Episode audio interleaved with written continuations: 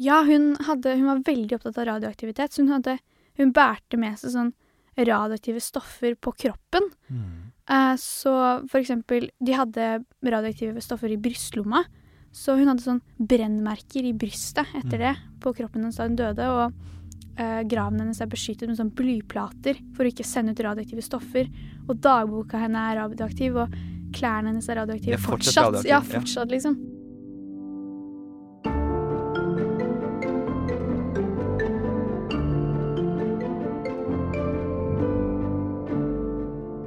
Jeg heter Alexander Santov og er Norges rikskjemiker.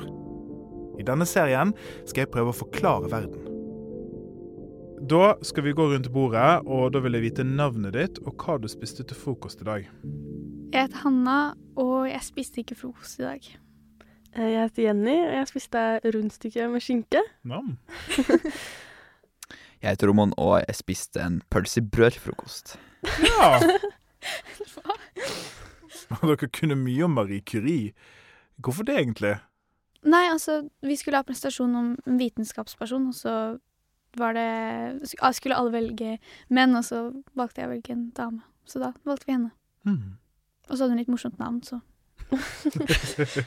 Hun var jo egentlig polsk da hun hadde sånn vanskelig etternavn. Hun hadde sånn Ma Maria Sklodowska-Kurie, eller noe. Veldig bra. Du vet mellomnavnet til og med. Jo Hvorfor- polsk egentlig, da. Hvorfor vet du dette? Jo, fordi jeg fulgte godt med på presentasjonen. Marie Sklodowska-Curie ble født 7. november 1867 i Polen. Hun er en av vitenskapens viktigste personer. Det er en eh, vitenskapsdame som eh, eh, fant veldig mye ut av radioaktivitet, og eh, målenheten for, rad, for radioaktivitet er oppkalt etter henne, tror jeg. Hun og mannen var vitenskapspersoner, begge to. Ja, hun var den vel den første kvinnen til å vinne Nobels Ja. pris i Nobelprisen i fysikk, eller Ja, hun vant vel to Ja, og hun var den første første kvinnen og den første personen til å vinne to nobelpriser. Ja, ja, sant det. Men hva var det egentlig hun fant ut? Marie Curie og ektemannen Pierre jobbet i mange år med noe som vi i dag vet kan være livsfarlig, nemlig radioaktivitet. Men hva er radioaktivitet?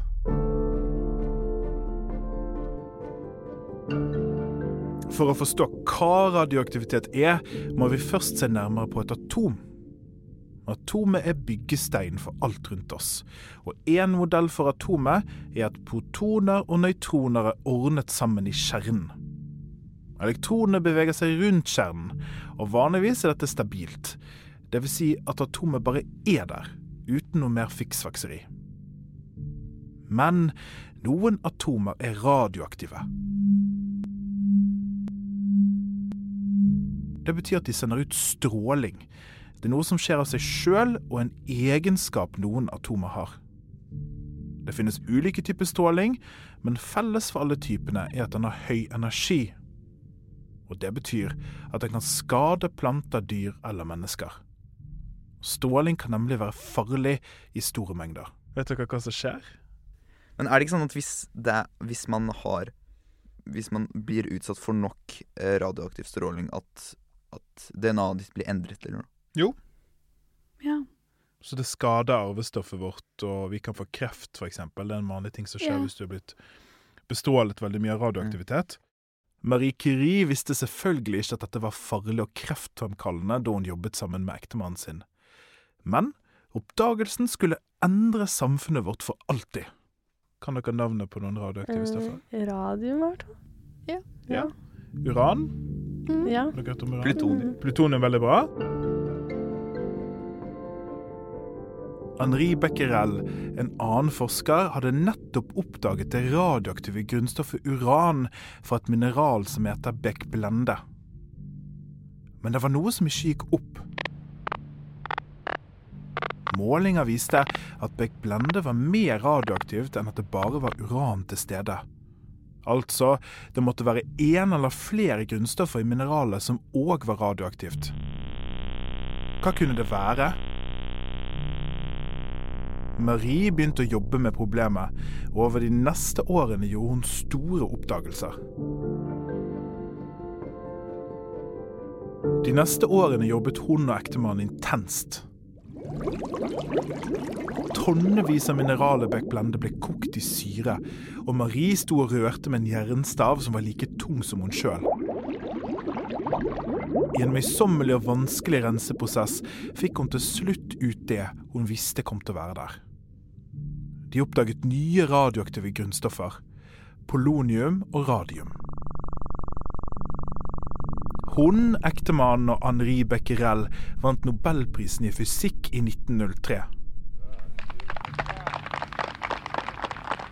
Hun fikk òg nobelprisen i kjemi i 1911, alene. Ektemannen døde i et trafikkuhell i 1906.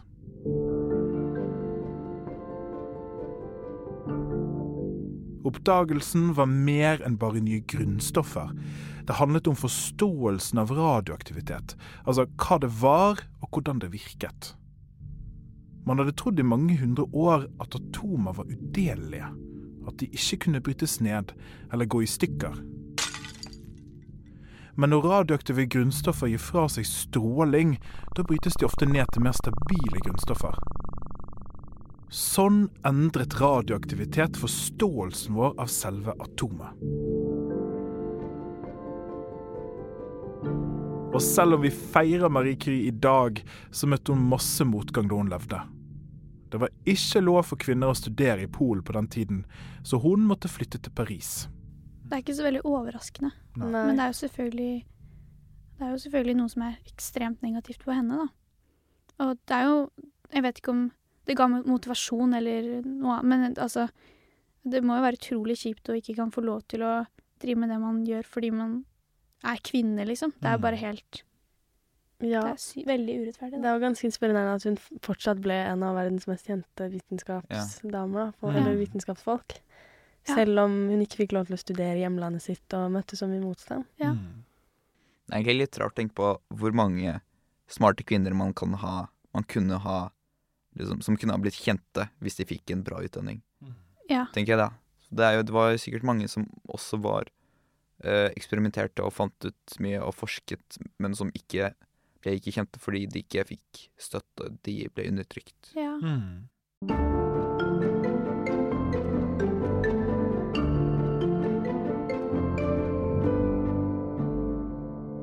Det tok en stund før man forsto akkurat hvor farlig radioaktive stoffer var.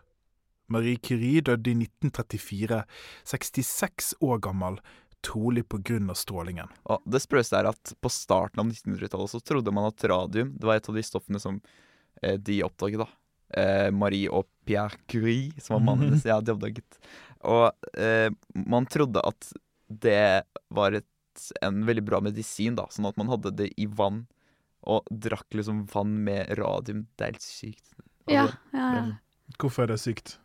Fordi man ikke gjør det i dag. ja, ja, man vet, vet man, ja, man vet at det er farlig. Ja. Et eksempel på farlig radioaktivitet er atombomben. Hva vet dere om atombomber?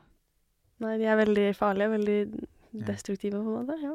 Andre verdenskrig og sånn. Ja, hva skjedde i andre verdenskrig? Det ble sluppet en atombombe i Japan. Det ble jo eh, Hiroshima og Nagasaki-bomben. Mm. Under andre verdenskrig pågikk et topphemmelig program et program kalt Manhattan-prosjektet. Målet med prosjektet var å lage den første atombomben. Atomvåpen er den aller kraftigste av alle våpentyper. Når en atombombe eksploderer, så slippes enorme energimengder ut, sammen med livsfarlige mengder stråling. Verdens første atomeksplosjon skjedde i New Mexico i USA i 1945. Det amerikanske militæret gjorde en prøvesprengning av en atombombe.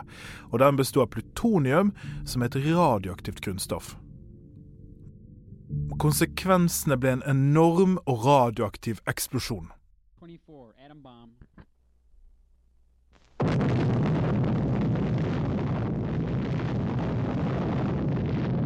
Soppskyen strakte seg 16 000 meter over bakken, og trykkbølgen fra eksplosjonen kunne føles over 100 km unna. Området der bomben ble sprengt, er fortsatt radioaktivt. Bomben som ble sluppet i New Mexico, var av samme modell som ble sluppet over Nagasaki 9.8.1945. Dessverre ble det ikke slutt på atombomber etter andre verdenskrig. Og siden Russland gikk til krig mot Ukraina, har det blitt aktuelt igjen. Vi vet jo at Putin har gått veldig langt, så det er veldig vanskelig å Altså, forskere eller folk sier jo at han ikke kommer til å gå så langt, men eh, jeg vet jo at veldig mange er redde for det. Fordi Man vet jo aldri hva han plutselig gjør, da. Han er jo gæren, liksom. Når man leser at til og med liksom, de som støtter ham, begynner å være skeptiske til det han gjør, så er det nok ikke så stor sjanse for at han får Fordi han alene tror jeg ikke kan aktivere en atombombe. Det må jo være noen andre som, som sier ja til det. Det er, jo, det er jo på en måte en slags rasjonell frykt, men jeg- Ja, det er det. Ja, så det er jo det er jo, Man vet jo at hvis den blir sluppet, så har det konsekvenser for hele verden. Og det er jo det som er veldig skummelt med det, da. Og det er ikke bare Russland som har atomvåpen. I dag vet vi om ni land som har atomvåpen, og de kalles ofte atommakter. FN jobber for at verden skal redusere mengden atomvåpen, det vi ofte kaller nedrustning, gjennom avtaler og samarbeid. I tillegg til Russland er det USA som har mest atomvåpen i verden. Hva skal vi gjøre for å redusere antall atomvåpen på jorden? Det er vel kanskje bare å slutte å lage de, da, men det er jo Og hvis det finnes en måte, så kanskje man kan prøve å ta de eksisterende rakettene og bombene fra hverandre. Eller hvis det går an, å bare bruke delene til noe annet som kan faktisk bare være bra for menneskeheten. Ja, eller finne en annen måte man kan Og bruke de. ja. Ja. Ja, eller ja, bruke dem på en annen måte enn å ødelegge. Fordi hvis man stopper å lage atomvåpen, så vil- vil man fortsatt ha de gamle. En litt sånn på en måte Eller å hindre konflikter er jo på en måte noe Ja. som Noe man må gjøre, da. Fordi at Grunnen til at folk har atombomber, er fordi de er redde for at noen andre skal true med det. Ja, sant. Eh, så det er på en måte Det handler jo veldig mye om tillit og sånn, da. Og det er jo Ja. noe man ikke kan fikse med en gang, men det er på en måte det som er kanskje langtidsmål, da, i hvert fall til FN og sånn, å hindre konflikter og sånne ting. Jeg føler også hvis man blir helt kvitt atombomber, så vil nok noen finne på noe annet òg. Som kan være Ja, enda ja. sterkere, enda mer dødelig. Så du føler at det på en måte er bare en del av Altså at det finnes ingen måte å ikke ha den type våpen på? Mm, jeg vet ikke. For en stund siden så var det snakk om at vi måtte skaffe jodtabletter, og at apotekene gikk tomme. Og det var jo fordi at Russlands krig mot eh, Ukraina økte trusselen om atombomber. Hva tenkte dere om det, egentlig?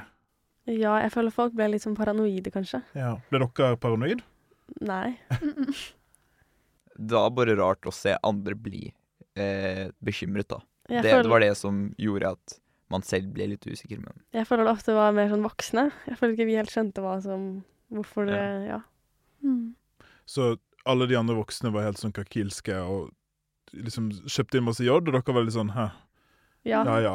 Jeg tror det er noe med at når det er liksom noen som er litt sånn 'Å, vi må ha det', og så blir folk sånn 'Å ja, kanskje vi også skal ha det'. Mm. Så jeg tror det var mest det, kanskje. Ja. At det liksom, panikken førte til at det bare ble helt sånn Vi må ha det. Hva tenker dere om atomvåpen i dag? Er det noe dere bekymrer dere for? Jeg bekymrer meg ikke over det. Nei, Nei, jeg bekymrer meg kanskje litt, men det er jo Jeg tror det spørs litt òg. Noen ganger, eller ofte er det jo veldig Eller jeg føler det er litt sånn i perioder hvor mye det er om det i media. Hvordan Ja. det er sånn Ja. Jeg føler det har roet seg litt nå, men noen ganger er det jo helt sånn Kan Putin bruke atomvåpen når som helst, liksom? Jeg går jo ikke rundt og tenker på det hele tiden, men det kan hende at jeg lurer litt hva som kommer til å skje senere, da. Hva tenker du om atomvåpen? Bekymrer du deg, eller tenker du mindre på det i perioder, sånn som panelet?